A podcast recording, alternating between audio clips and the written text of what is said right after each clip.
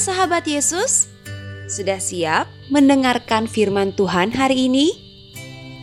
Kalau sudah, yuk siapkan Alkitabmu dan mari kita bersama-sama membuka Kejadian 12 ayat 1 sampai 4. Kejadian 12 ayat 1 sampai 4. Sudah dapat?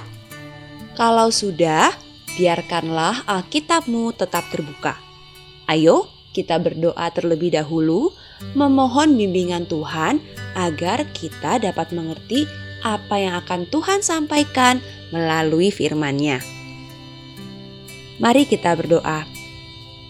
Tuhan Yesus, terima kasih atas penyertaan-Mu dari hari ke hari, begitu juga dengan kesehatan dan seluruh berkat yang sudah kami terima.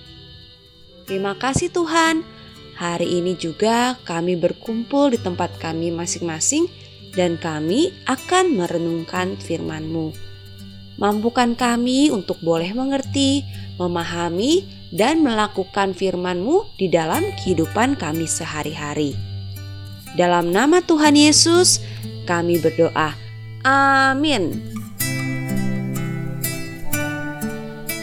Renungan hari ini berjudul Perjalanan Abraham.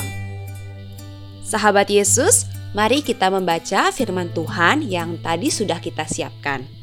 Firman Tuhan diambil dari Kejadian 12 ayat 1 sampai 4. Berfirmanlah Tuhan kepada Abram, "Pergilah dari negerimu dan dari sanak saudaramu dan dari rumah bapamu ini ke negeri yang akan kutunjukkan kepadamu. Aku akan membuat engkau menjadi bangsa yang besar dan memberkati engkau serta membuat namamu masyur. Dan engkau akan menjadi berkat. Aku akan memberkati orang-orang yang memberkati engkau dan mengutuk orang-orang yang mengutuk engkau. Dan olehmu, semua kaum di muka bumi akan mendapat berkat. Lalu, pergilah Abram seperti yang difirmankan Tuhan kepadanya, dan Lot pun ikut bersama-sama dengan dia. Abram berumur 75 tahun ketika ia berangkat dari Haran.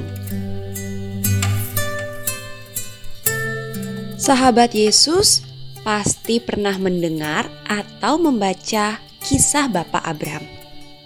Bapak Abram adalah orang yang taat dan percaya pada Tuhan. Oleh karena itu, pada saat Tuhan memerintahkan Bapak Abram untuk meninggalkan daerah asalnya dan pergi ke tempat yang ditunjuk oleh Tuhan, Bapak Abram pun segera berangkat, walaupun dia tidak tahu tempat itu seperti apa. Tapi Bapak Abram percaya pada penyertaan Tuhan. Nah, begitu juga dengan kita, sahabat Yesus.